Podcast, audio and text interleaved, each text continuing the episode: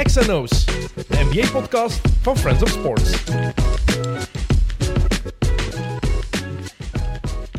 Dag iedereen, geen one-on-one in XNO's vandaag, wel een echte two-on-two. Met respect voor de coronamaatregelen, dat is heel belangrijk. We zitten hier met vier vandaag, we hebben mooie plexiglazen tussen ons zitten, dus de coronamaatregelen worden gerespecteerd. We hebben hoog bezoek vandaag. Er zitten een paar grote bonzen, hoge pieven bij ons moet ik zeggen. Ehm, de, de baas van de Belgische basketballiga, de general manager Wim van de Keren, Ramses Braakman, de voorzitter van de Nederlandse profliga en Glenn de Hollander. Moet ik jou aankondigen?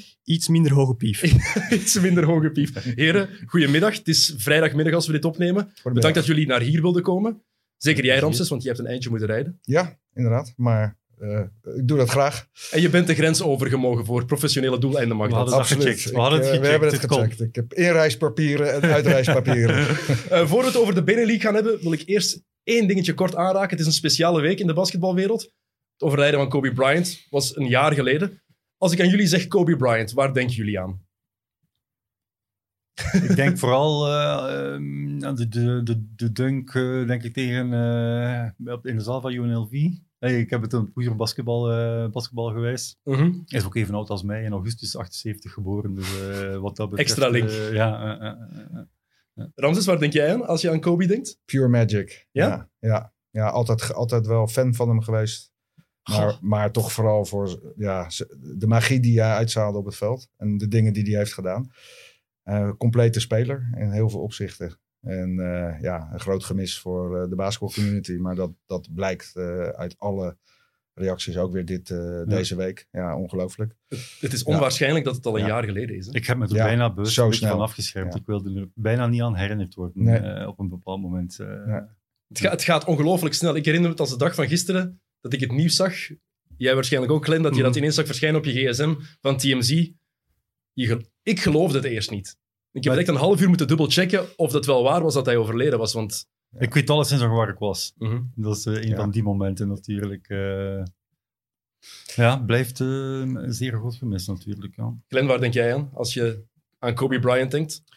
Die 81 punten tegen Toronto, vooral omdat dat ook pal op mijn verjaardag is. Dus dat is zo super makkelijk om te onthouden. Ja. Dat, is, ja, dat hangt op een of andere manier samen vanaf, eh, vanaf die moment. Ja. Dus dat was, ah ja, ik verjaar. Ah ja, Kobe heeft vandaag ooit eens 81 punten gescoord. 81 dat, denkt, hangt perfect samen. Mhm. Dus, Ja, het is een fenomeen. Het, is, eh, het zal altijd een fenomeen blijven. En wat, wat wat er natuurlijk ook bij komt, door het ongeluk, door wat er gebeurd is, zal hij altijd nog iets mythischer blijven, denk ik, dan heel wat andere basketballegendes.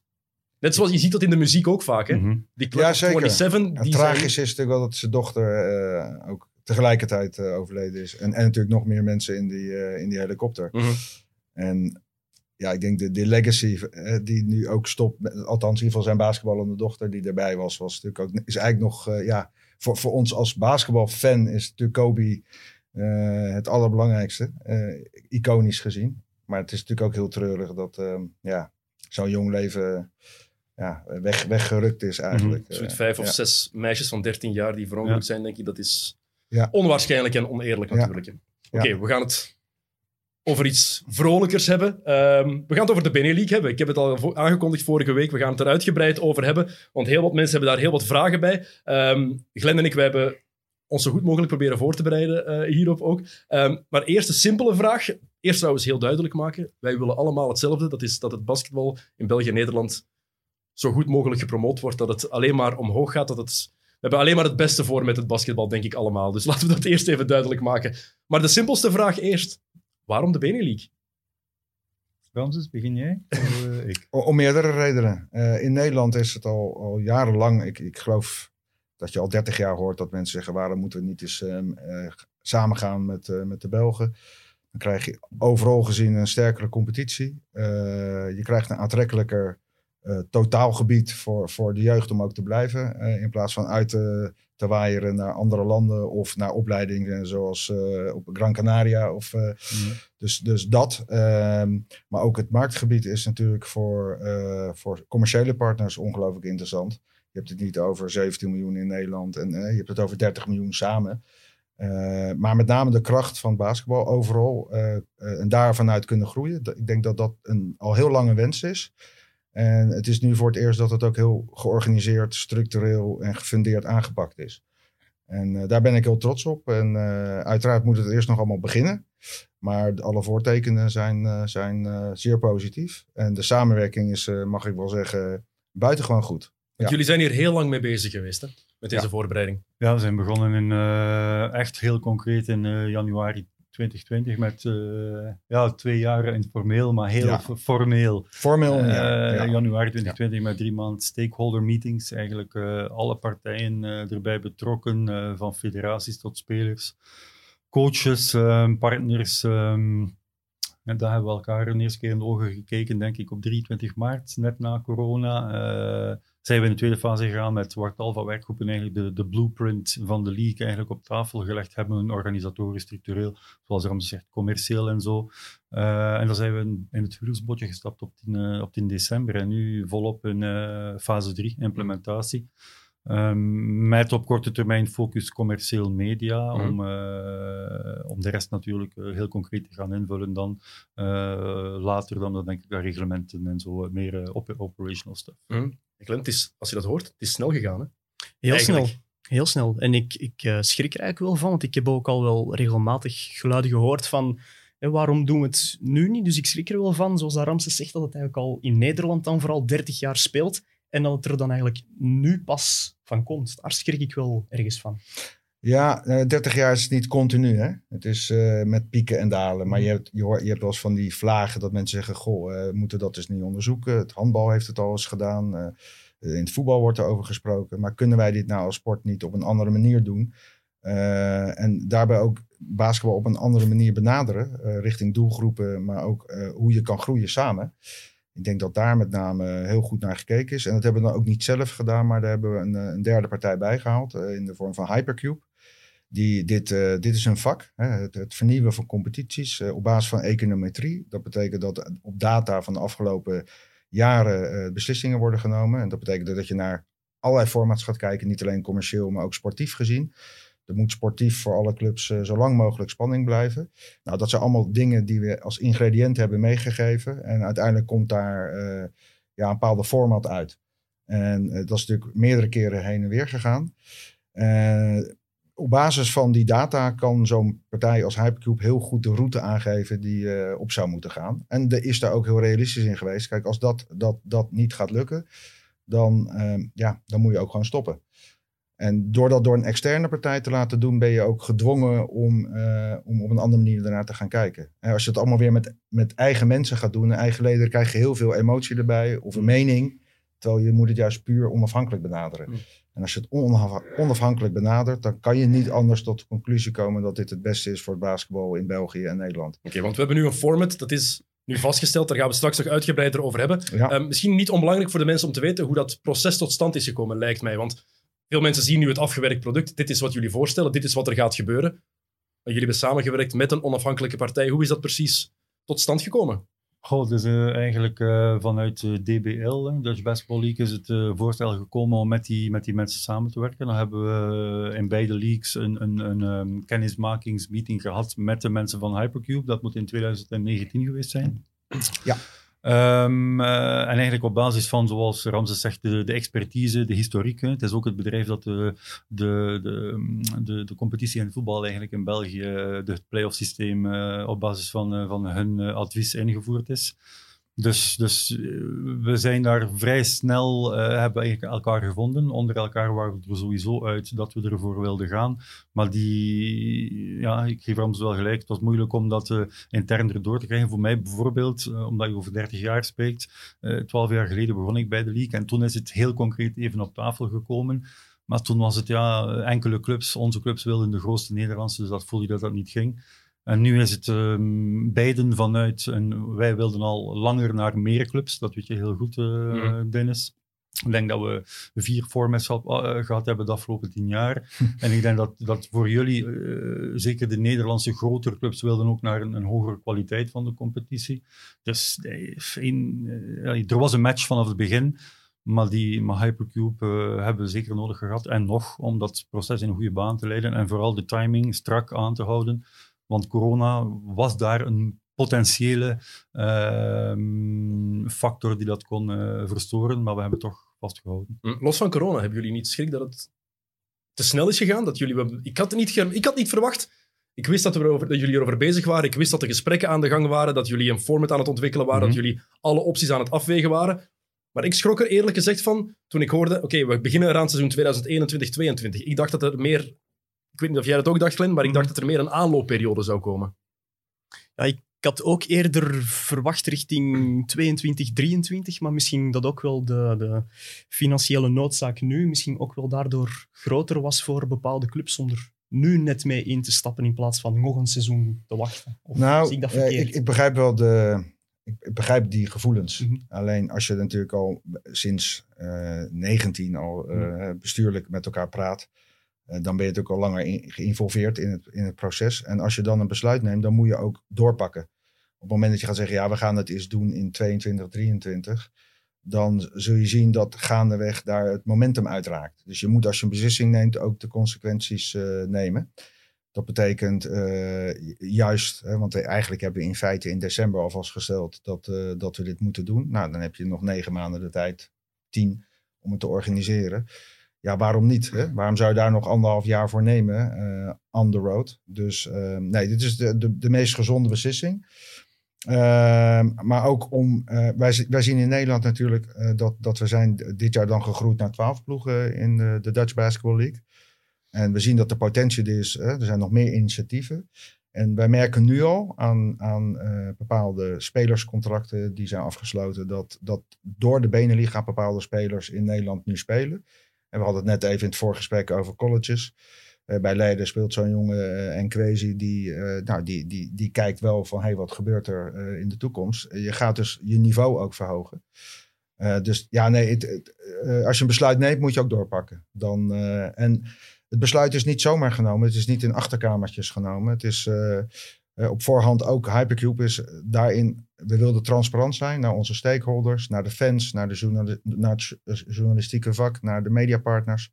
Die zijn ook betrokken in het proces. Die hebben een zegje kunnen doen. Dat hebben we allemaal meegenomen en meegewogen. Ik denk dat het juist een heel mooi voorbeeld is hoe je zo'n proces uh, snel, kordaat en in, in ja, toch niet al te korte tijd. Want het lijkt nu alsof het heel impulsief is. Terwijl het is ruim een jaar aan gewerkt. Mm -hmm. ja, ja, dus, uh, ja. Daarom dat we die vragen ook stellen natuurlijk. Ja. Mm -hmm. uh, merken jullie ook al meer interesse van commerciële partners bijvoorbeeld of van mediakanalen? Want als ik me niet vergis, in Nederland is er op dit moment geen, geen tv-contract. Of wel voor het, jawel, voor het jawel uh, met, met de nationale de omroepstichting, dus okay. NOS. Uh, maar dat is een, een, contract dat hangt aan de Olympische cyclus. Mhm. Mm. Nou, we weten allemaal dat we in een soort interjaar zitten. Uh, dus dat hangt een beetje in het midden. Maar we hebben de openingswedstrijd van het seizoen, zoals we dat weer zijn geherstart. Ehm, en dat vertelde ik ook net tegen Wim. Daar hebben we de cijfers uh, recentelijk besproken woensdag. Afgelopen woensdag in de ledenvergadering. Daar hebben 1,2 miljoen mensen gekeken okay. op NOS. En we zien dus gewoon dat de aandacht voor het basketbal, uh, misschien juist wel nu in coronatijd, er is weinig aanbod van andere topsport. Dat moet ik er wel meteen bij zeggen.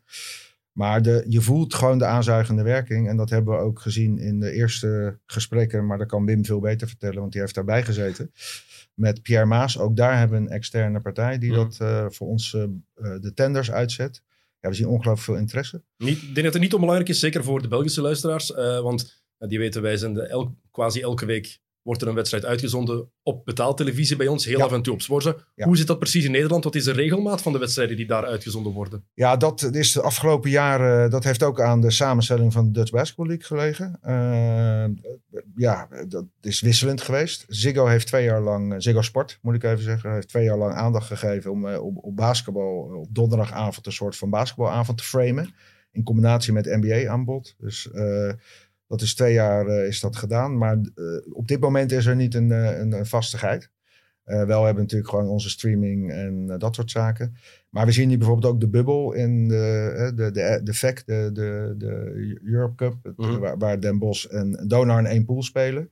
Heroes Den Bosch en Donar en Parma. En nou, dat is dan volledig uitgezonden door Ziggo Sport. Dus wat daar, wat daar zich afspeelt in de bubbel. Ja, dat is heel erg goed voor het basketbal. En we zien ook dat het enorme kijkcijfers oplevert. Mm.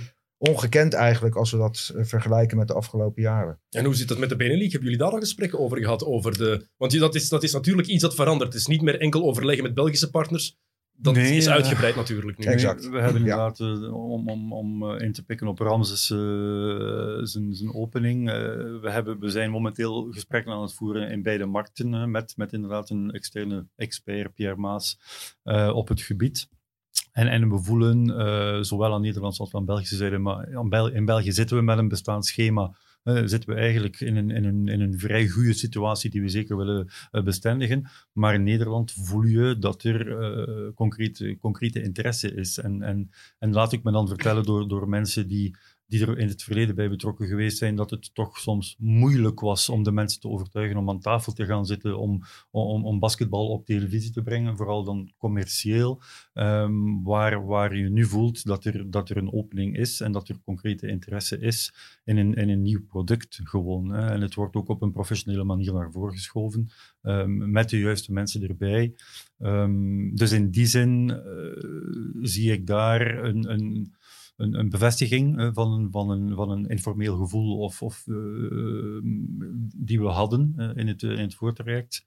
Maar dat ziet er, dat ziet er vrij goed uit als we het op, op mediavlak hebben. Oké, hoe krijg je die zenders eigenlijk zo geïnteresseerd mogelijk? Want we kunnen wel zeggen, Benelink, grotere competitie, meer ploegen, meer mensen aanspreken, maar ik denk dat het blijft niet evident. Het blijft, Glenn, jij weet het ook, het is basketbal. Wij vechten daar al, al jaren voor, of proberen dat te doen op heel kleine schaal, om die zoveel, aan, zoveel mogelijk aandacht te geven we merken dat dat niet altijd gemakkelijk is. Hè?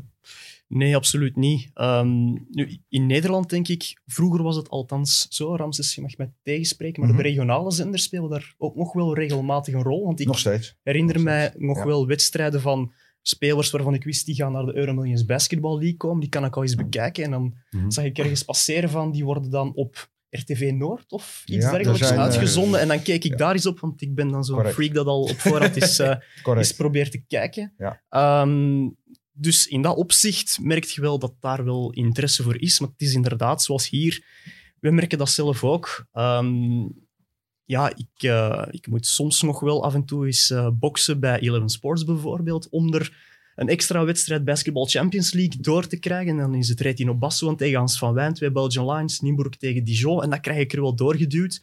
Maar voor de rest is dat ook niet altijd even hmm. evident om dat er doorgeduwd te krijgen. dus, uh... Om heel concreet op je vraag te antwoorden, Dennis, hoe, hoe krijgen we de zenders geïnteresseerd? Uh, ten eerste is het een nagelnieuw product. Uh, daarnaast uh, hebben we toch het geluk als sport dat we bij een, een, de, de, jonge leeftijdsgroep Gen Z, om het niet bij naam te noemen, uit Nielsen Data blijkt dat, dat we als sport, natuurlijk door de NBA als trekker, zeer populair zijn, hè, bij, bij de, zowel als participatie als interesse. Dus in, in die zin is dat al een moeilijk bereikbare groep voor heel wat uh, bedrijven en organisaties, ook in media. Uh, in België zijn we zelfs de vierde sport, als we naar de Nielsen cijfers kijken, tussen 16 en 24. Dus, dus die, die positionering van het nieuwe merk alleen al voel je in interesse. Ehm, natuurlijk zal het ons zijn om het waar te maken, de, de, want dat is een heel ecosysteem. Hè. podcasts, Spotify, lijsten mm. TikTok, player-generated content. We zullen het moeten waarmaken, maar we hebben een voorbeeld en, en, en, en we kunnen zeker de interesse opwekken door, um, door dat voorbeeld aan te halen en te zeggen hoe wij het, hoe wij het zien en hoe we het willen doen. Mm. Want die jonge generatie is denk ik niet onbelangrijk, want je hebt natuurlijk de sportbasketbal, je hebt de NBA, dat is helemaal nog een andere categorie. Maar ik heb het gevoel, als ik kijk en luister naar jonge gasten, dat de Belgische competitie dan, omdat, eh, want daar kan ik over spreken, de Nederlandse dat is minder, dat daar nog minder interesse is in jonge gasten. Ik weet niet of jij het gevoel ook hebt, Glenn, maar als ik daarmee mee spreek, mee praat met jonge gasten, dan heb ik het gevoel dat zij die feeling minder hebben dan dat ik bijvoorbeeld had als jonge gast.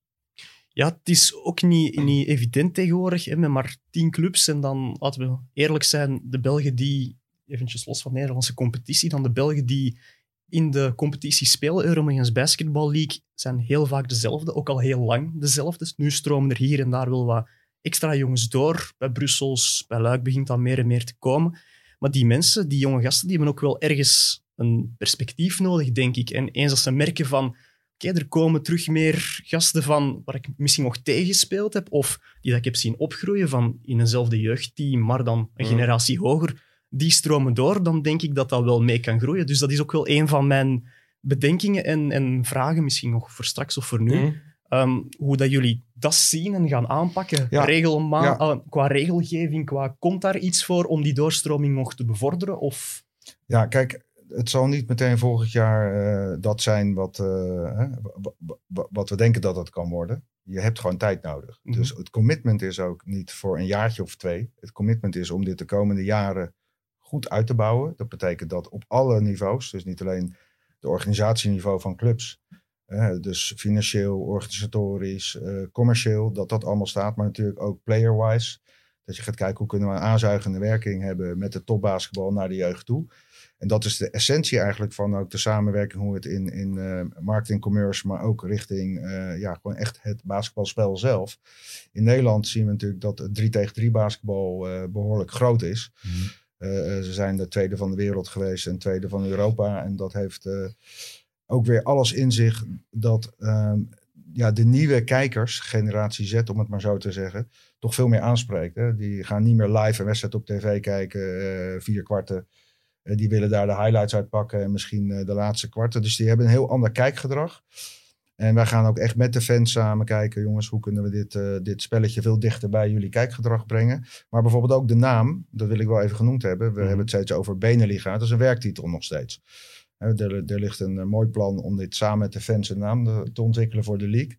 Die ook van hen is. En uh, dat wordt iets met North-South. Of, maar in ieder geval, ik, ik ga het niet verzinnen.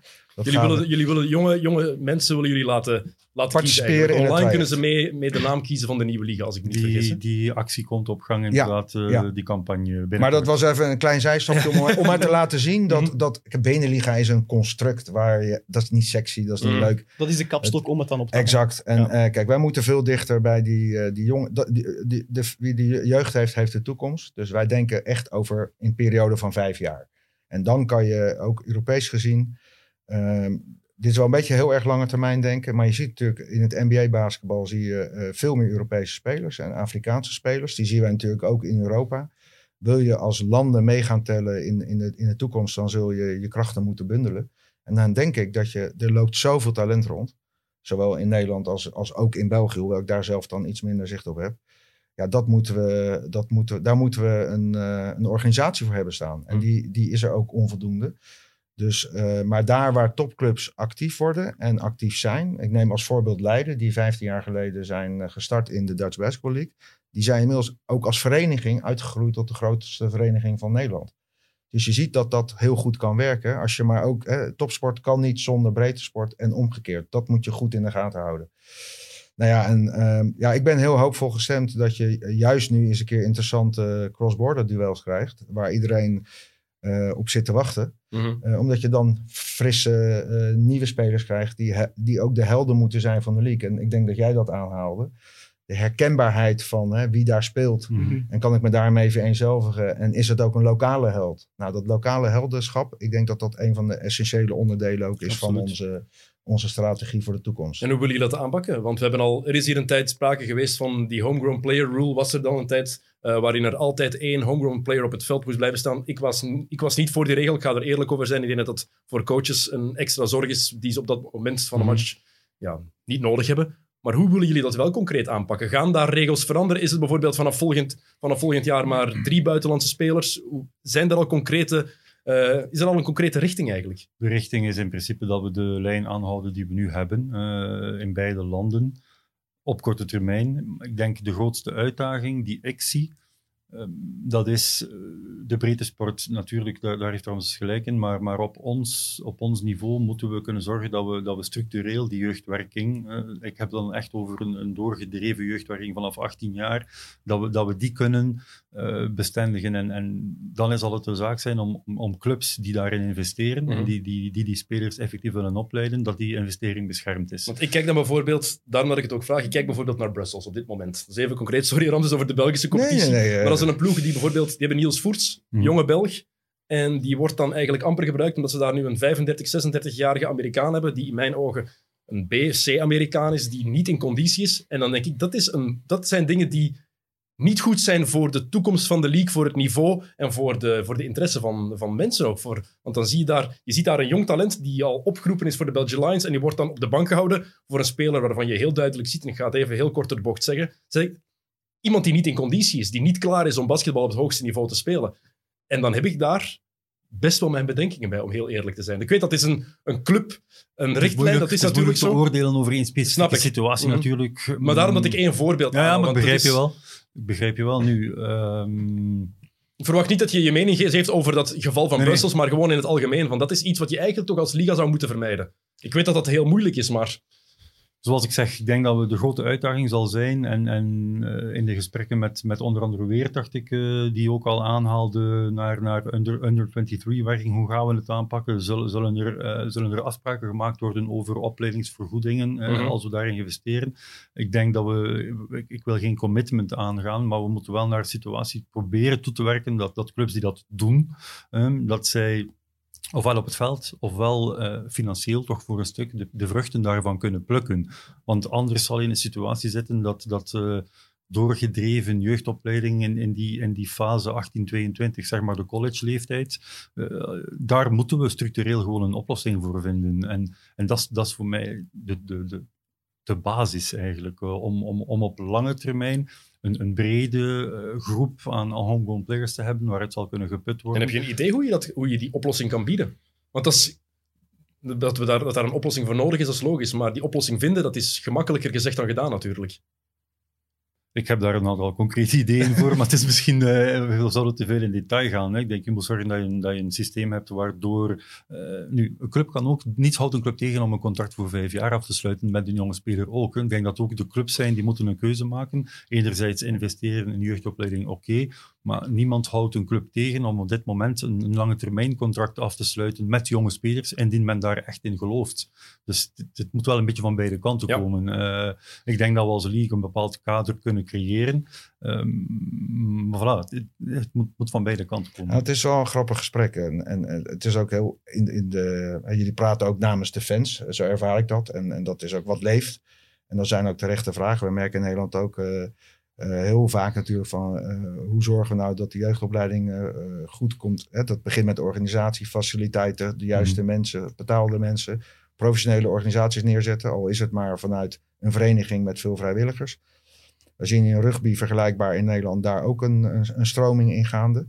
Het is natuurlijk altijd een beetje kip of een ei kwestie. Mhm. Eh, als je een goed product neerzet, dan krijg je ook een aanzuigende werking.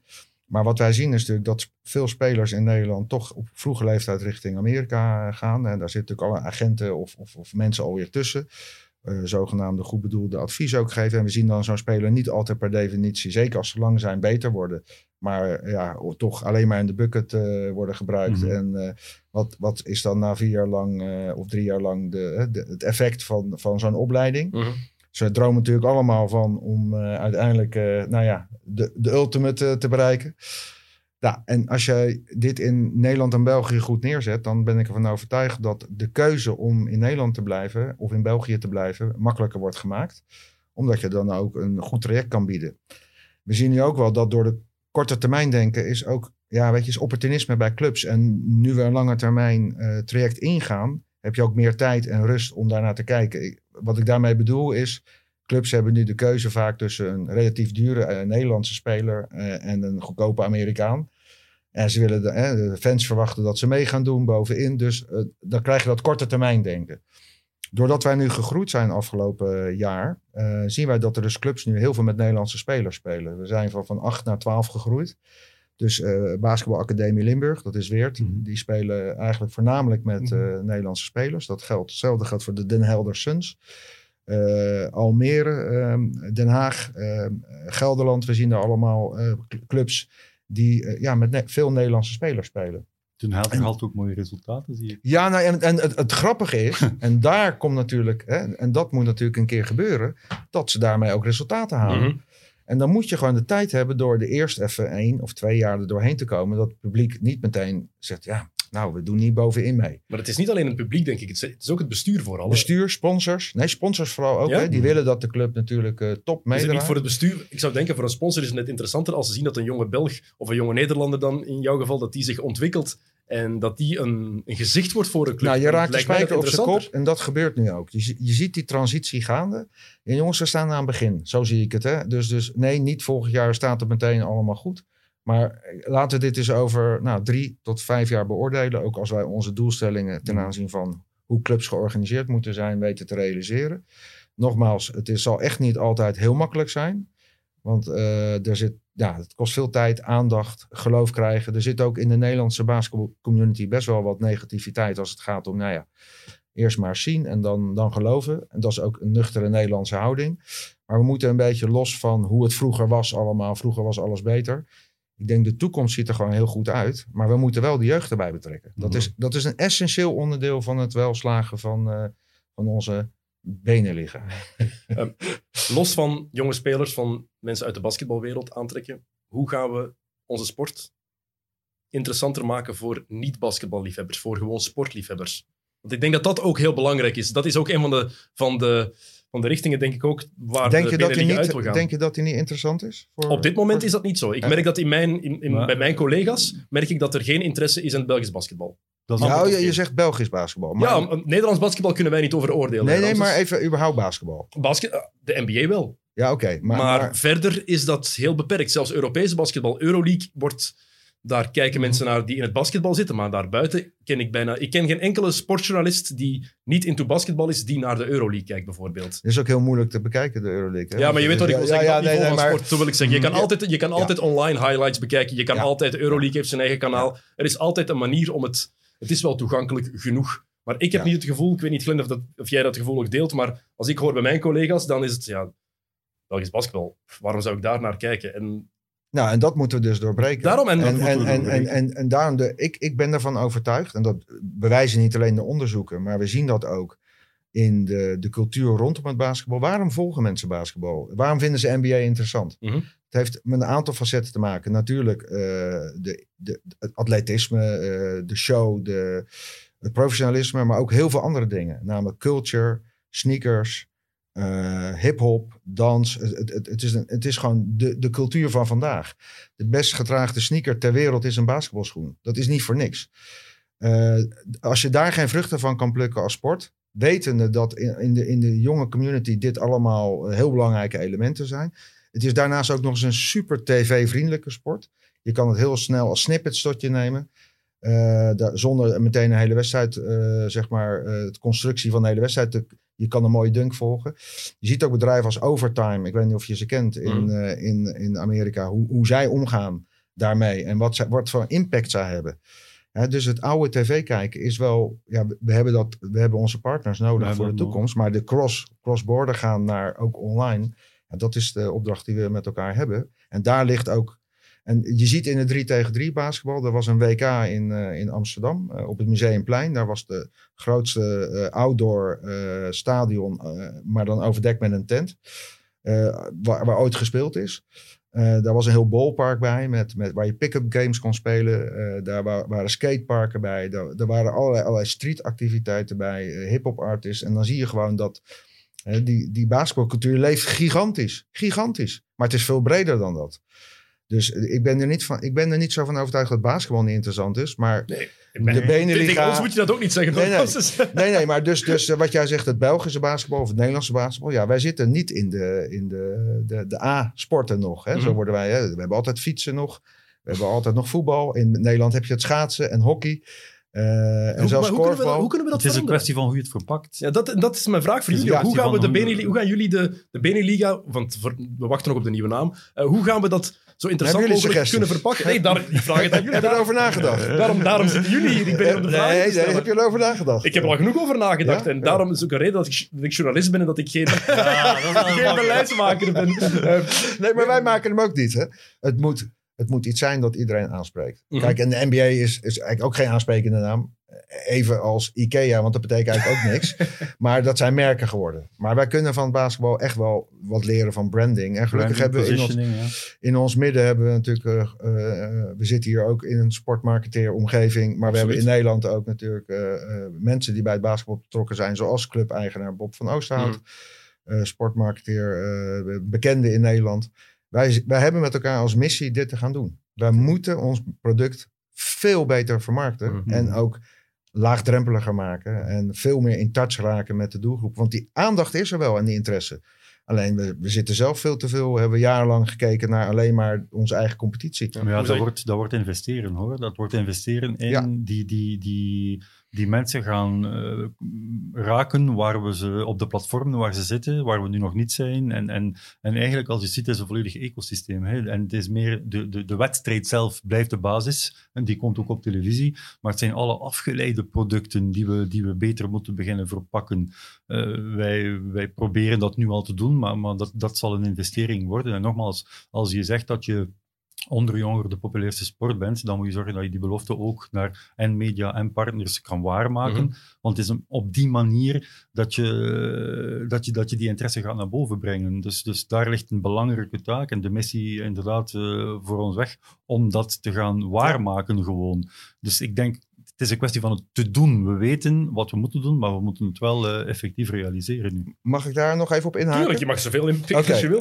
Um, Wim noemt iets heel essentieels. Gewoon doen. En ehm, ik, ik, ben eh, nu vijf jaar betrokken bij de Dutch Basketball League. En, en toen wij ehm, met onze bestuursleden gingen zitten, toen hebben we eens een keer gezegd van laten we nou eens alle plannen bekijken die er de afgelopen jaren in Nederland zijn gemaakt. En nog niet eens alleen binnen de Dutch Basketball League, toen heette dat nog anders overigens. Toen hebben we al die plannen op een rijtje gezet. En uh, ja, eigenlijk, eigenlijk stuk voor stuk hele goede plannen. Maar nooit wat mee gedaan. Dus, dus plannen genoeg, maar je moet soms ook gewoon dingen doen om vooruit te kunnen gaan. Dan breng je de boel ook in beweging. Nou, ik denk dat, dat het, het huidige organisatie van, uh, van de, de Belgische League en de Nederlandse League in ieder geval het lef hebben om die stap te zetten. Mhm. En wij zijn ervan overtuigd dat we dit op gang kunnen brengen.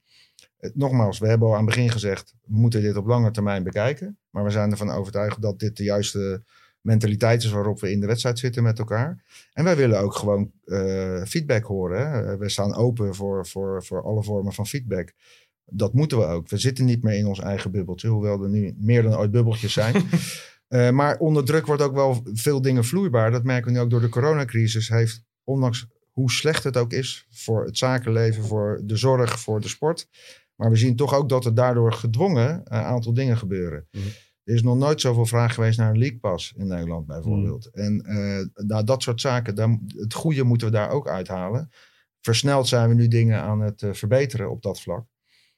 Dus nou, uh, nogmaals, je moet dingen soms doen. daarom wilde ik op jou inhaken. Mm. ik denk dat er nu een organisatie zit die gewoon dingen doet. -hmm. en, en, en dus vooruit. En als je je nek niet uitsteekt, ja, dan, dan blijf je zitten waar je zit. -hmm.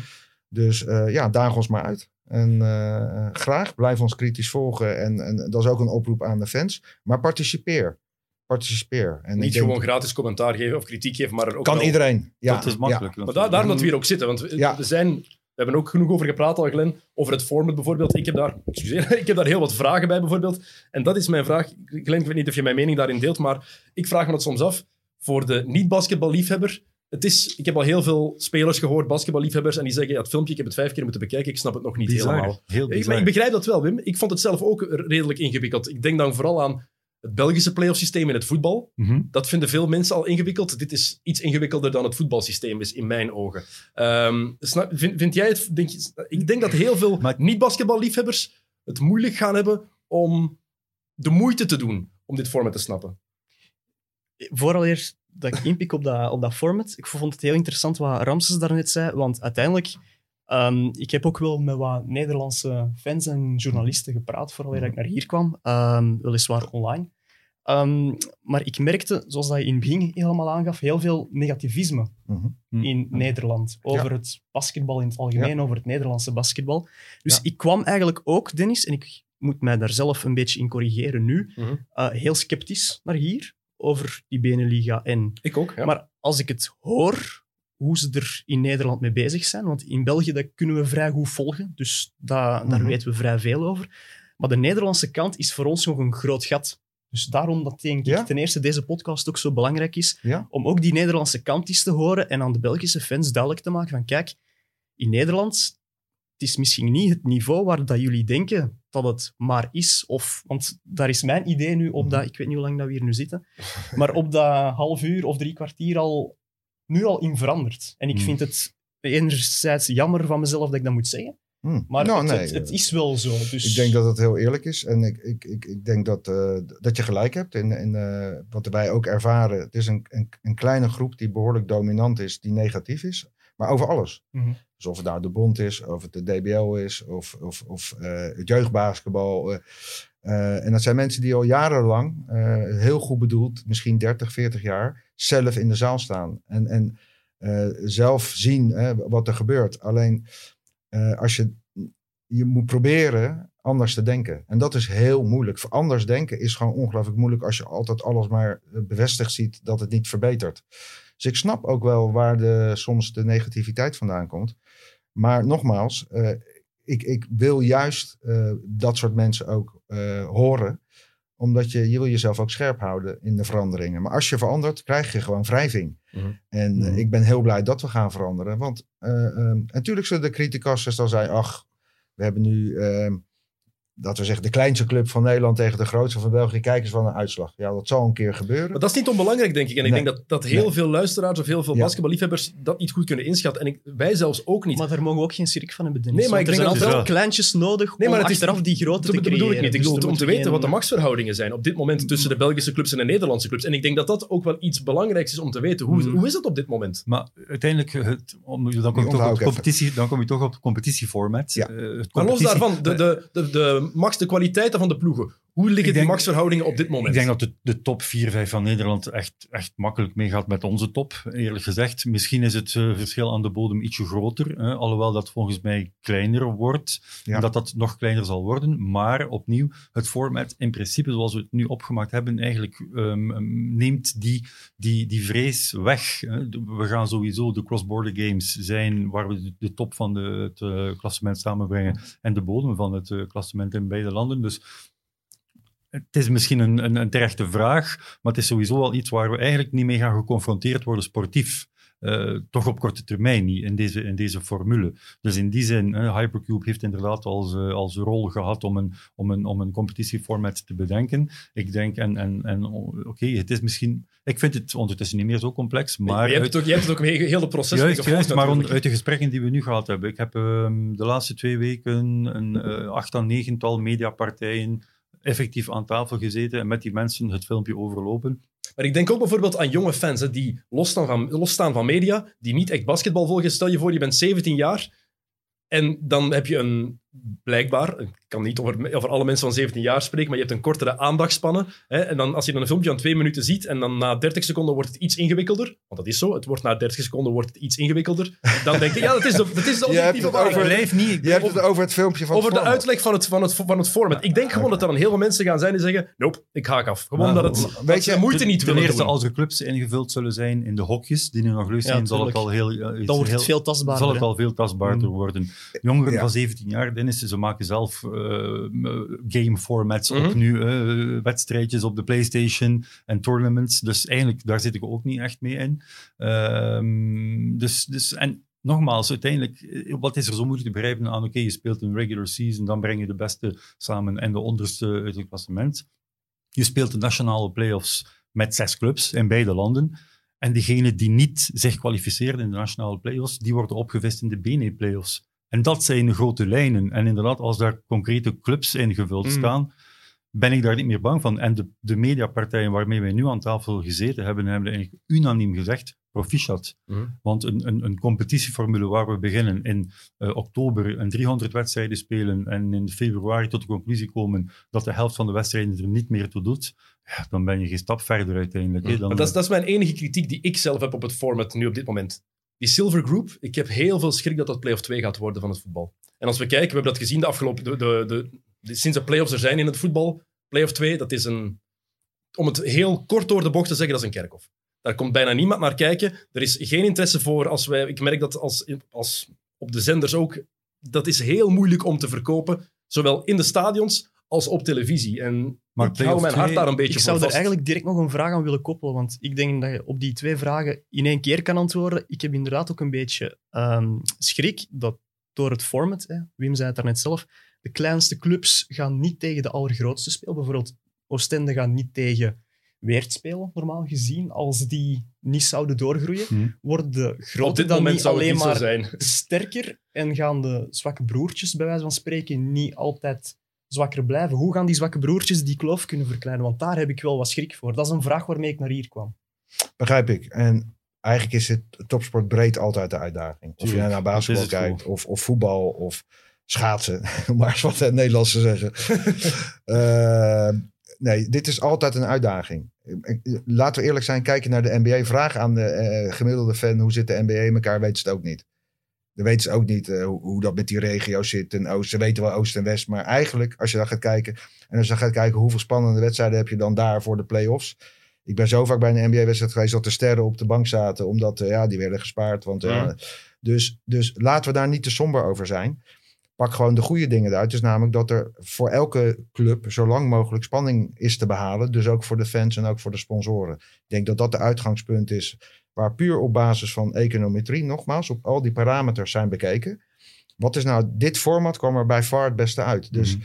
op basis van wetenschap kunnen we vaststellen dat dit format eh, het beste gaat werken. Mhm.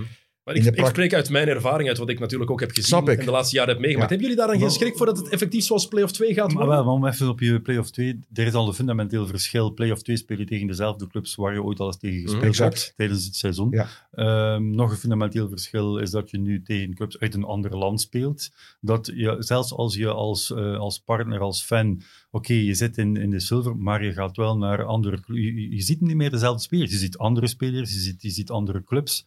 Dus dat vind ik al een fundamenteel verschil. Eh, en, En je denkt nog mee. Olif, en je doet, en je je doet doet- nog mee. Maar, ga- maar gaat dat interessant genoeg zijn voor de fans om naar de zalen te komen? Als je kijkt hoe moeilijk het nu al is. Want in play-off 2 daar hangt ook een Europees ticket aan vast. Dat is juist. Eventueel. Dus, en toch zie je daar ook, de stadions zijn half zo leeg. En daar, Waar, waar, baseer je dit op? Want het Belgisch voetbal heb je... ja, nee, nee, maar, maar is dat ook zo? Dat is effectief zo. Want, want, want als we naar Hypercube luisteren, Mhm. dan zien we dat op al die fronten, sinds ze de invoering van het play-off systeem hebben gedaan, dat, dat het, het, het- qua kijkcijfers, qua commercie, qua aantallen mensen in de stadions alleen maar gestegen is. Niet, niet als play-off 2, als die, dat is in het reguliere seizoen zo, maar als de play-offs toen begonnen, want nu is het natuurlijk een beetje veranderd Mhm. met, door de coronacrisis, maar het systeem waarin play-off 1 zes ploegen was en de rest play-off 2, dan zagen we echt, dat verschil was gigantisch. Play-off 1, dat werkte, die toppers, die topploegen, dat was een, een geweldig idee, maar daaronder was het toch wel harken. Vond Maar, ik. maar goed, je hebt er ook competities waar je dus eh, al halverwege het seizoen weet dat de onderste helft eh, niet meer meedoet eh, voor de play-offs. Ja, wat is daar dan nog eh, intrant- interessant aan? En nu heb je nog als, eh, en misschien is gold zilver, hè, de- de- Dat is ook een zo- werktitel. Ja, zijn werktitel. Maar, maar je maakt als zilverclub nog steeds kans op het, op, op het Beneliga kampioenschap. Hè? Dus, Ik- dus, ik- dus je, je doet op alle fronten mee. Mhm. Ik Oh, sprak met, een, ja. met een speler uit de competitie en, en die, die vergeleek dus de, de, de, de silverclubs die niet... Er is maar één die kan deelnemen aan de nationale playoff. Vergeleek het bijna een beetje met het NCAA-tournament in die Mhm. zin dat hij zegt, oké, eh, Ja, als op, het, op het begin van die BNE-playoff eh, kom je uit tegen een club die gedisqualificeerd is in nationale playoffs, die misschien toch ja, een beetje gedesillusioneerd is. Dus er is waarschijnlijk een reële kans dat je al een ronde verder gaat in die BNE-playoffs. En ik vond, het, ik vond het wel een goede vergelijking eigenlijk. De, de, de, de proof of the eh, pudding is in the eating natuurlijk, maar eh, eh, tot op het laatste moment speelt een wedstrijd een rol. En dat, dat is gewoon de, de, de sterkte van de formule. Het enige wat dan wel gaat moeten gebeuren, sowieso, voor dat interessant, om dat interessant te houden voor die ploegen, is er gaat iets moeten vasthangen aan de Beneliga. Dat Als ze die winnen, zo. gaat daar iets aan moeten vasthangen. Ik weet dat jullie daar mee bezig waren. Het was het laatste wat ik daarover gehoord heb, is tenminste dat daar gesprekken ehm, over gevoerd werden met de FIBA. Want dat is natuurlijk niet, ligt niet allemaal in jullie handen. Maar dat is wel cruciaal, lijkt mij, dat daar effectief... Al is het één Europees ticket, twee Europese tickets, dat, dat weet ik niet. Maar ik denk wel dat het cruciaal is dat daar iets aan vasthangt. Wat we nu in de beslissing meegenomen hebben, en dat is zo goedgekeurd door de clubs, is dat het tweede Europese ticket waar elk land over beschikt naar de BNE-kampioen gaat. Oké. Eh, Het derde Europese ticket gaat naar de hoogste gerangschikte ploeg uit de cross-border fase, dus ook de BNE-fase, na de regular. Dat zijn al twee, twee plaatsen. Natuurlijk, je kan, Ja. daar met dubbel, kan daar met dubbel zitten. De Mhm. BNE-kampioen kan dezelfde zijn als de, ehm, als de na- nationale kampioen. Maar stel nu dat de Donar nationaal kampioen wordt en, eh, en Den Bos BNE kampioen, ja, dan, dan, dan heeft Den Bos het tweede eh, Europese ticket van Nederland. Als bij ons Antwerpen kampioen wordt of Oostende kampioen wordt en Antwerpen wint de BNE, dan heeft Antwerpen de, de um, qualifying round Champions League. Dus er hangt iets aan vast. Ja. FIBA sluit op dit moment zelfs niet uit Ehm, maar dat, daar, daar zijn ze een beetje het geweer van schouder aan het, uh, aan het veranderen. Dat ze daar nog verder willen in gaan. maar dat is een, dat is een work in progress. Dus ik denk dat we die, die vrees wel be, beantwoord hebben. Uh, Los daarvan, Clem, denk ik wel dat het dan ook belangrijk is dat sportliefhebbers hier meer de waarde van een Europees basketbalticket inschatten. Mm. Want op dit moment is dat nog niet het geval. We snappen de waarde. We zien, de, we zien hoeveel een Europa League ticket waard is, of een Champions League ticket in het voetbal. In het basketbal is dat nog voor heel veel mensen heel vaag, denk ik. Het is ook te mm. versnipperd. Hè? Maar ja, dat, dat weten we al Met langer. de vier competities. Dat weten we al langer en daar wordt ook hard aan gewerkt door, door de ULAB. Uh, Thomas van der Spiegel is daar natuurlijk uh, voorzitter. Wij zitten allemaal in de ULAB. Uh, ik denk dat we daar, daar ja, goed, goed... Het is veel politiek, laten we het zo zeggen. Voor het basketbal is dat niet goed. Dezelfde reden waarom ik denk dat Europees basketbal hartstikke interessant is. Als, als, je, eens, als je het heel erg bereikbaar maakt voor mensen. Mm -hmm. Uh, wat, wat, het, second best of the world kun je in Spanje of, uh, of Italië bekijken. Ik bedoel, je hoeft niet ver te gaan om fantastisch basketbal te... En sommigen vinden Europees basketbal vaak ook nog net iets mooier, omdat het wat, wat rauwer is en... Mm. De, ik denk niet dat je iemand hier moet overtuigen van, van, van, de schoonheid van het Europese basketbal. Nee, nee, maar allemaal, goed. Je het er helemaal gelijk in, ja, Ramses? De, dus, maar de versnippering is ook daar gaande. Hè? Ja. Dus, dus uh, laten we nou gewoon proberen. Kijk, dat kunnen we nu niet uh, veranderen. We kunnen alleen maar bij onszelf beginnen. Laten we klein beginnen. En vanuit daar denk ik dat we steeds stappen kunnen maken. En we heb, je hebt gewoon lange termijnvisie. Nou, we moeten een strategie hebben. Een van de, van de belangrijkste dingen vaak met dit soort processen is dat het opportunisme is. Je moet een strategie hebben, een lijn. We gaan niet in één rechte lijn. We zullen er een beetje zo naartoe gaan. Maar als we maar die, die groei uh, doormaken en dat goed evalueren. En we gewoon tweaken. Uh, daar waar, uh, kijk, en als het format blijkt te werken. Nou, dan zijn we natuurlijk ongelooflijk gelukkig. Blijkt dat er nog wat, wat herstelwerkzaamheden onderweg nodig zijn. Dan gaan we daar gewoon naar kijken. Dat vind ik heel belangrijk dat, jij dat, dat jullie ja. dat allebei zeggen. Tuurlijk. En als journalist is het, voor mij is het iets heel... Um, ik word daar veel optimistischer van. Dat jullie zeggen, ja, we staan open voor kritiek, we staan open voor commentaar. Dit is niet... Betekent niet, dit is onze richting die we uit willen, betekent niet dat dit helemaal vast ligt. Nee, nee, zeker. Want ik kwam ook met het idee van... Allee, wat Ramses en Wim alle twee beaamd hebben, die breedte sport is heel belangrijk. Um, ik had een beetje de schrik dat met de Beneliga dat misschien wel vergeten zou worden. Um, omdat er bijvoorbeeld in België, jullie zijn al lang bezig geweest om extra teams erbij te krijgen. Dat lukt dan niet. Wordt op deze manier opgelost. Um, maar voor mij lost dat dan het probleem van de breedte sport in België niet op. Dus ik had dan wel het idee van, ja, waarom dan misschien, het zij kunstmatig, toch niet hier of daar nog proberen om nog een extra Belgische club op te pikken. Um, maar dat zijn allemaal dingen. Ja.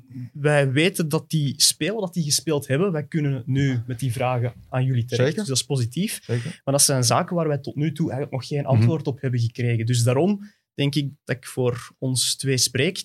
Dat daar een zekere vorm van, uh, van scepticisme je, aan hing voor we naar hier kwamen. Ja, begrijp ik. En weet je wat het interessante is van basketbal? Dat er heel veel merken zijn, bedrijven zijn, die uh, heel veel moeite hebben om die jongere doelgroepen te benaderen. Je kan ze wel met social media, maar dan nog. Hè, je wilt natuurlijk liefst via goede influencers in je sport. Uh, en die sport heeft zoveel om zich heen. Dus wat ik net al vertelde over hip-hop, uh, sneakers, en gaan ze maar door. Ehm, dus basketbal is als geen andere sport, denk ik, in staat om die connectie te maken met, met de jeugd. En we zien natuurlijk ook dat uh, clubs, en dan, ik kom uit Leiden, dus ik kan alleen maar even over de situatie in Leiden dan nu spreken. Uh, die doen 300 clinics per jaar op, op, op basketbalveldjes om maar de, de basketbalsport naar de jeugd te brengen. Basketbal is op, op Nederlandse scholen by far de meest gespeelde sport. Uh, dus dus daar, daar, daar gebeurt iets onderweg wat, waar, waar, waar we het, het contact verliezen. dus ja, nogmaals, ik denk dat juist er heel veel merken zijn die nu merken dat ze, dat ze ja, ze kunnen sponsor worden van een, van, van een Dutch Basketball League. Maar wat, wat bereiken we daar dan mee? Die vragen dan ook, kunnen we niet maatschappelijk partner worden? He, want het gaat om partnerships. Het gaat niet om, ik geef geld en dan ben ik zo vaak in beeld. Nee, het gaat om, kan ik impact maken? Mm -hmm. Nou, en dan zien we dat, uh, dat in basketbal vroeger in Nederland, en, en dat geef ik de fans, daar heb ik volkomen gelijk in, veel te versnipperd. We hadden uh, de MBB, dat is de Federatie, Nederlandse mm -hmm. Basketbalbond. Dan had je de FEP, de Federatie Eredivisie Basketbal. had je het Nederlands mannenteam, die stond daar los van. Dus we hadden allerlei stromingen. En, en wat we de afgelopen vijf jaar hebben gedaan, zowel vanuit de Dutch Basketball League en ook vanuit de bond, is om veel meer één plek voor basketbal te vinden. Dus we hebben ook een gezamenlijke website nu, basketbal.nl. Daar zit zowel de Dutch Basketball League in als de bond. Dus je ziet dat we steeds meer samen optrekken om één beweging te maken. En ik denk dat dit daar ook heel.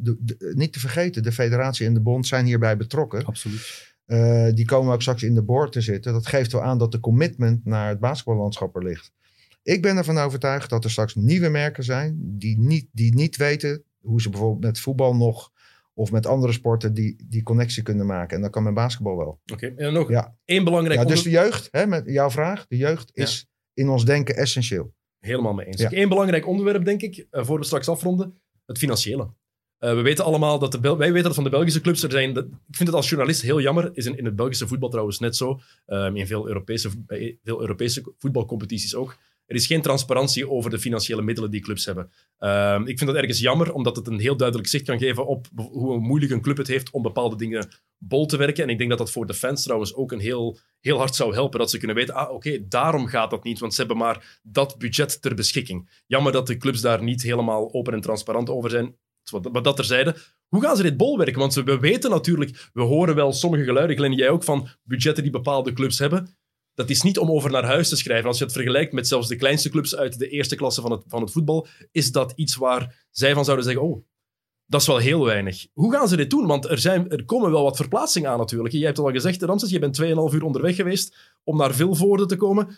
Dat, er kunnen wel wat afstanden in zitten. Uh, clubs gaan moeten overnachten in bepaalde steden, lijkt mij, omdat het anders niet haalbaar is. Hoe gaan ze dat bolwerken? Kan, kunnen de liga's daar ook in helpen? Want de liga is nu ook niet... De liga zit ook niet op een, een pot goud, hè? Nee, nee. Naar, naar Groningen rijdt Ramses ook twee uur en een half. Ja, langer, langer, langer. Ja. Maar, daarom, maar daarom net. Dat is, is niet sneller naar, voor mij vanuit Leiden om naar, naar Antwerpen of Brussel te rijden. Of naar Gent. Uh, maar ik denk, dat, het wel, naar Groningen. ik denk dat het wel belangrijk is om te weten, ook hoe gaan ze dit doen? Want dat is iets waar in de basketbalwereld wel over wordt gepraat en over nagedacht wordt. Ik had gisteren was er eh, bij de Vrienden van La Dernière een podcast waar Thierry Wilquin, ook eh, de manager van Mons, eh, zat. Nu, hij zei ook van, als dat het enige bezwaar is, mag het ons sowieso niet tegenhouden. Laat, laat daar ons als over eerlijk zijn. Nu, wij zien, uh, voorzien in, in, de business case zoals we die nu uitgetekend hebben, ik denk dat dat mag zeggen, Ramses, dat er een bepaalde compensatie komt naar reiskosten.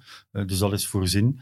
Um, valt nog af te wachten natuurlijk, want ook wij moeten uh, de business case nog waarmaken. Hè. Dus als we dat kunnen doen, dan zal er een stuk uh, compensatie van de reiskosten zijn. Voor de Nederlandse clubs is er, is er ook een, komt er een kostenarbitrage bij, voorzien we ook een, een compensatie.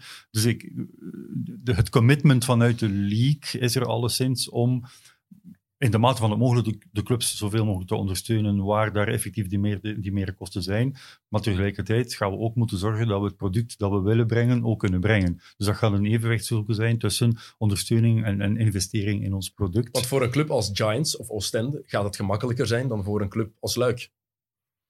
Of Brussels. Leuk. Waar het financieel... Maar dat zijn gewoon de... de, ah, je hebt het over financieel. Ja, puur financieel. Puur financieel vlak. We weten dat die gewoon minder mogelijkheden hebben. Dat zien we is logisch. Als je kijkt naar de sponsors die de Giants alleen al hebben, die hebben de haven van Antwerpen en die hebben Telenet. Mm Ja, dat weet, dan weet je gewoon dat dat wel veelzeggend is in vergelijking met een club als Kangaroos of Brussels bijvoorbeeld. Maar er komt, een, er komt ook een, een licentie, zoals in, in, in, elke zichzelf respecterende profcompetitie. En, en daar is een, zijn nu al minimumbudgetten bepaald die, die, die, naar ik denk, zeer realistisch zijn. Uh, uh, en, dan kijk ik zeker naar, naar Ramses toe. Uh, op, op de groei.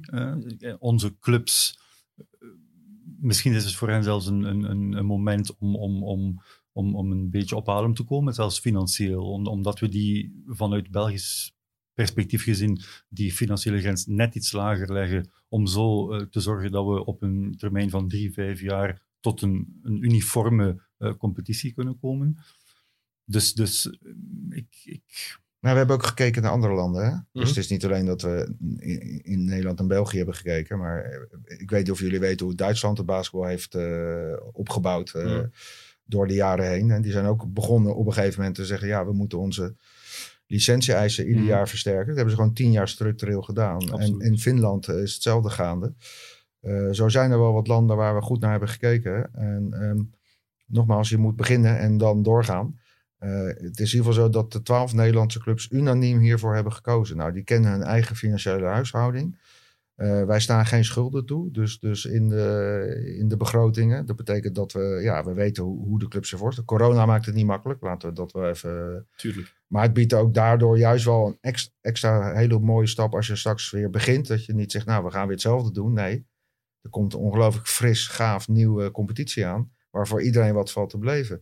Gaan alle clubs trouwens meedoen of is dat nog niet bevestigd? Dat, daar kan ik echt niks zinnigs over zeggen. Want ik, moet, ik moet gewoon zien hoe de clubs. Uh, ze staan er, laat ik zo zeggen. Ik heb van, vanmorgen nog met uh, de financial man uh, gesproken van de Basketball League. De Nederlandse overheid is ruimhartig als het gaat om uh, steun ook van de sport. Uh, niet alle sport, maar de NOW-regeling zoals we die kennen, dat is uh, de bijdrage in de salariskosten, die geldt ook voor de topclubs. We zien dus dat, ja, dat ik vermoed gewoon dat alle twaalfde clubs gaan inschrijven. Okay. Maar nogmaals, collateral damage onderweg met corona. Als straks weer alles strandt op een of andere manier, dan, dan moet je maar weer eens even herpakken. Ja, het zijn vreemde tijden, dat weten we Ja, je, je, je, heel veel mensen vragen, geef eens een stip aan de horizon. Dat zullen ze ook aan jullie regering vragen. Is er een regering op dit moment? Er is er. Ja, ja, ja. ja nee, dat was, een, was een flauwe grap. Was een flauwe grap. Dat was meer dan terecht. Wij hebben namelijk nu een demissionaire regering. Ja, net zeggen, voor één keer is het Voor één keer is het dan de verweten ketel. Maar nee, uh, dus terechte vraag. Je wil een routekaart. Nou, wij hopen die routekaart voor de toekomst te kunnen gaan bieden. Samen met jullie, met de fans, met de sponsoren. En uh, we zijn er allemaal bij. We hebben er allemaal belang bij dat we het beter maken. Want er gaat wel met overnachtingen gewerkt moeten worden, lijkt mij. De verre verplaatsingen. Een club gaat niet na een wedstrijd om half twaalf nog 2,5 uur terug naar huis rijden. Lijkt mij. Dat, dat zal aan de club zijn om te beslissen. Nu, ik heb okay, mezelf dat, laten Daar zijn geen richtlijnen voor. Het is echt wel, elke club mag het zelf... Ik, laat, laat valt ons mee ook hoor. Ja, ja, het valt, ten ja. eerste valt het wel mee waarschijnlijk, ja. maar laat ons ook be bekijken. Ik zou dat ook eens willen evalueren na jaar één. Okay. Dan, dan gaan we daar een veel beter zicht op hebben, op, op haalbaarheden voor clubs. Misschien kunnen wij dan vanuit, vanuit de league proberen om een, om een rol te spelen. Maar het, zijn maar, het zijn maar zeven... Uh, uh, of, of negen cross-border games. In principe heb je er eigenlijk ja. ook maar vijf wedstrijden die je in het andere land ja. moet, moet gaan spelen. Okay. Ook Hypercube heeft daar een ja. berekening over gemaakt. Uh, gemiddelde aantal kilometers die gereden zal moeten worden. En, en als je dat uiteindelijk nu hebben we ook 14, uh, zeg 14, 13, 14, nee, 14 wedstrijden uh -huh. uh, voor de play-offs. Dat zullen er ook 14 zijn. Dus, dus er komt een, een, een, stuk bij, maar het is niet dat dat onoverzichtelijk is uh, en, en, en, dat dat een berg is waar, waar, waar geen, waar geen uh, zicht op is. Okay. Kennen jullie Weert? We, weet jullie, Weert ligt in, uh, in, het noorden van Limburg in ieder geval. Nou, Groningen ligt bovenin. Als, als Groningen naar Weert rijdt, dan heb je datzelfde probleem. Of je dan nog 50 minuten doorrijdt België in, dat, dat, dat probleem is laat zo zeggen, als dat maar een paar keer per jaar is, is het natuurlijk wel erg te overzien. Oké, okay, goed. Ja, Glenn, ja. En, en, groot, en dan hebben we het over Groningen, mm -hmm. maar bedenk niet ook, ook nog eens dat er nog heel veel clubs uh, rond het midden van Nederland zitten. Mhm. Mm -hmm. we hebben het over Den Bosch, Rotterdam, Den Haag, Leiden. Uh, nou, dat zit allemaal, Amsterdam, dat is allemaal natuurlijk een stuk dichterbij. Mhm. Mm -hmm. Dus, dus we hebben uit de noordelijke clubs, dat is uh, Groningen, Den Helder, Zwolle en, en Leeuwarden. Ja, en dat, uh, dat, dat zijn wel de even iets verdere afstanden. Maar nogmaals, vanuit Leiden rij ik binnen ongeveer een uur en 15 tot 20 minuten naar Leeuwarden. Dus dat is prima te doen. En uh, ja, ik denk dat het, uh, ook dat is een mindset. Dat is een mindset. We zullen het zien. En, maar in het cross-border gedeelte, ja, Um, je, je, speelt niet het hele seizoen uh, crossborder. Mm. Natuurlijk ook uh, in België vinden we een uur rijden al heel ver. En een tijd geleden was ik bij een vriend die in Wisconsin woont. Exact. Die zei, ja, we gaan even naar Milwaukee's vlakbij. En ja. ik een uur en drie kwartier rijden. Ja, doe het vlakbij, dan ben ik in Frankrijk. Dat, dat, dat is vlakbij in Amerika. Ja, het is al daarom. Ja, zelfs als je in LA zit en je wil een wedstrijd in LA zien, dan zit je al in de stad, kan je er al anderhalf uur over doen. Ik wou net zeggen, vijf kilometer in LA duurt al anderhalf uur. Exact. Ja, dus dat, ja, ja. dat, dat is een andere reden. Ja. ja. Glenn, heb jij nog iets te vragen te zeggen voor we afronden? Um, nee, dat ik er uh, veel positiever tegenaan kijk dan uh, toen we naar hier kwamen. Um, en dat de belangrijkste vragen die we al konden stellen en die dan al vast liggen, beantwoord zijn. En ja, dingen over regelgevingen en dergelijke, dat is daar net al aangehaald dat nog niet alles volledig op punt staat. Daar zal nog wel waarschijnlijk hier en daar over gediscussieerd worden. Dat lijkt mij niet meer dan, uh, niet meer dan logisch. Wat voor regelgeving bedoel je dan? Ja, omdat ik mij wel kan inbeelden, allee, als we dan bijvoorbeeld kijken naar het spel? voetbal, dat er niet alleen het spel qua aantal buitenlanders, qua Misschien ook qua loon, omdat er in Nederland misschien andere regels zijn qua loon vanuit de overheid. dergelijke dingen wordt dat op elkaar afgestemd. Ja. Daarom dat ik in het begin ook Ja. zei dat ik dacht dat het in, eh, Ja. een jaartje later zou starten, Ja. om dat allemaal eerst gelijk te trekken Maar- en dan pas De wet te gaan we niet veranderen, ik denk. De, bedoel, de wet, loonwetten en zo gaan, we- gaan we niet veranderen. We Dus- zouden, het dus allemaal, we zouden allemaal graag minder belasting Zelfs, zelfs, zelfs moeten we nog een jaar nemen. Maar sommige dingen moeten we erbij nemen. Nee, nee, maar ik wou gewoon kijken van, komt daar...